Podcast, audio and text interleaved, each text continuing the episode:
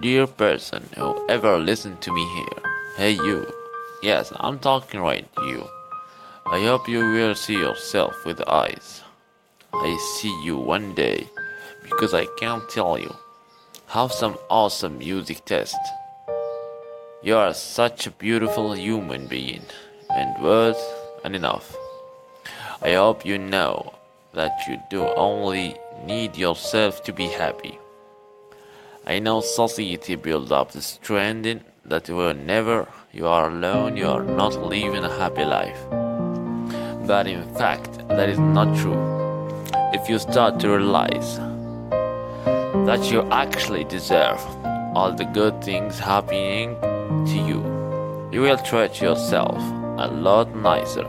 I hope you will let yourself rest. Don't beat yourself up over past mistakes, over regret, and over everything. Your mind wants to destroy you. I hope you will remember my words. Rico.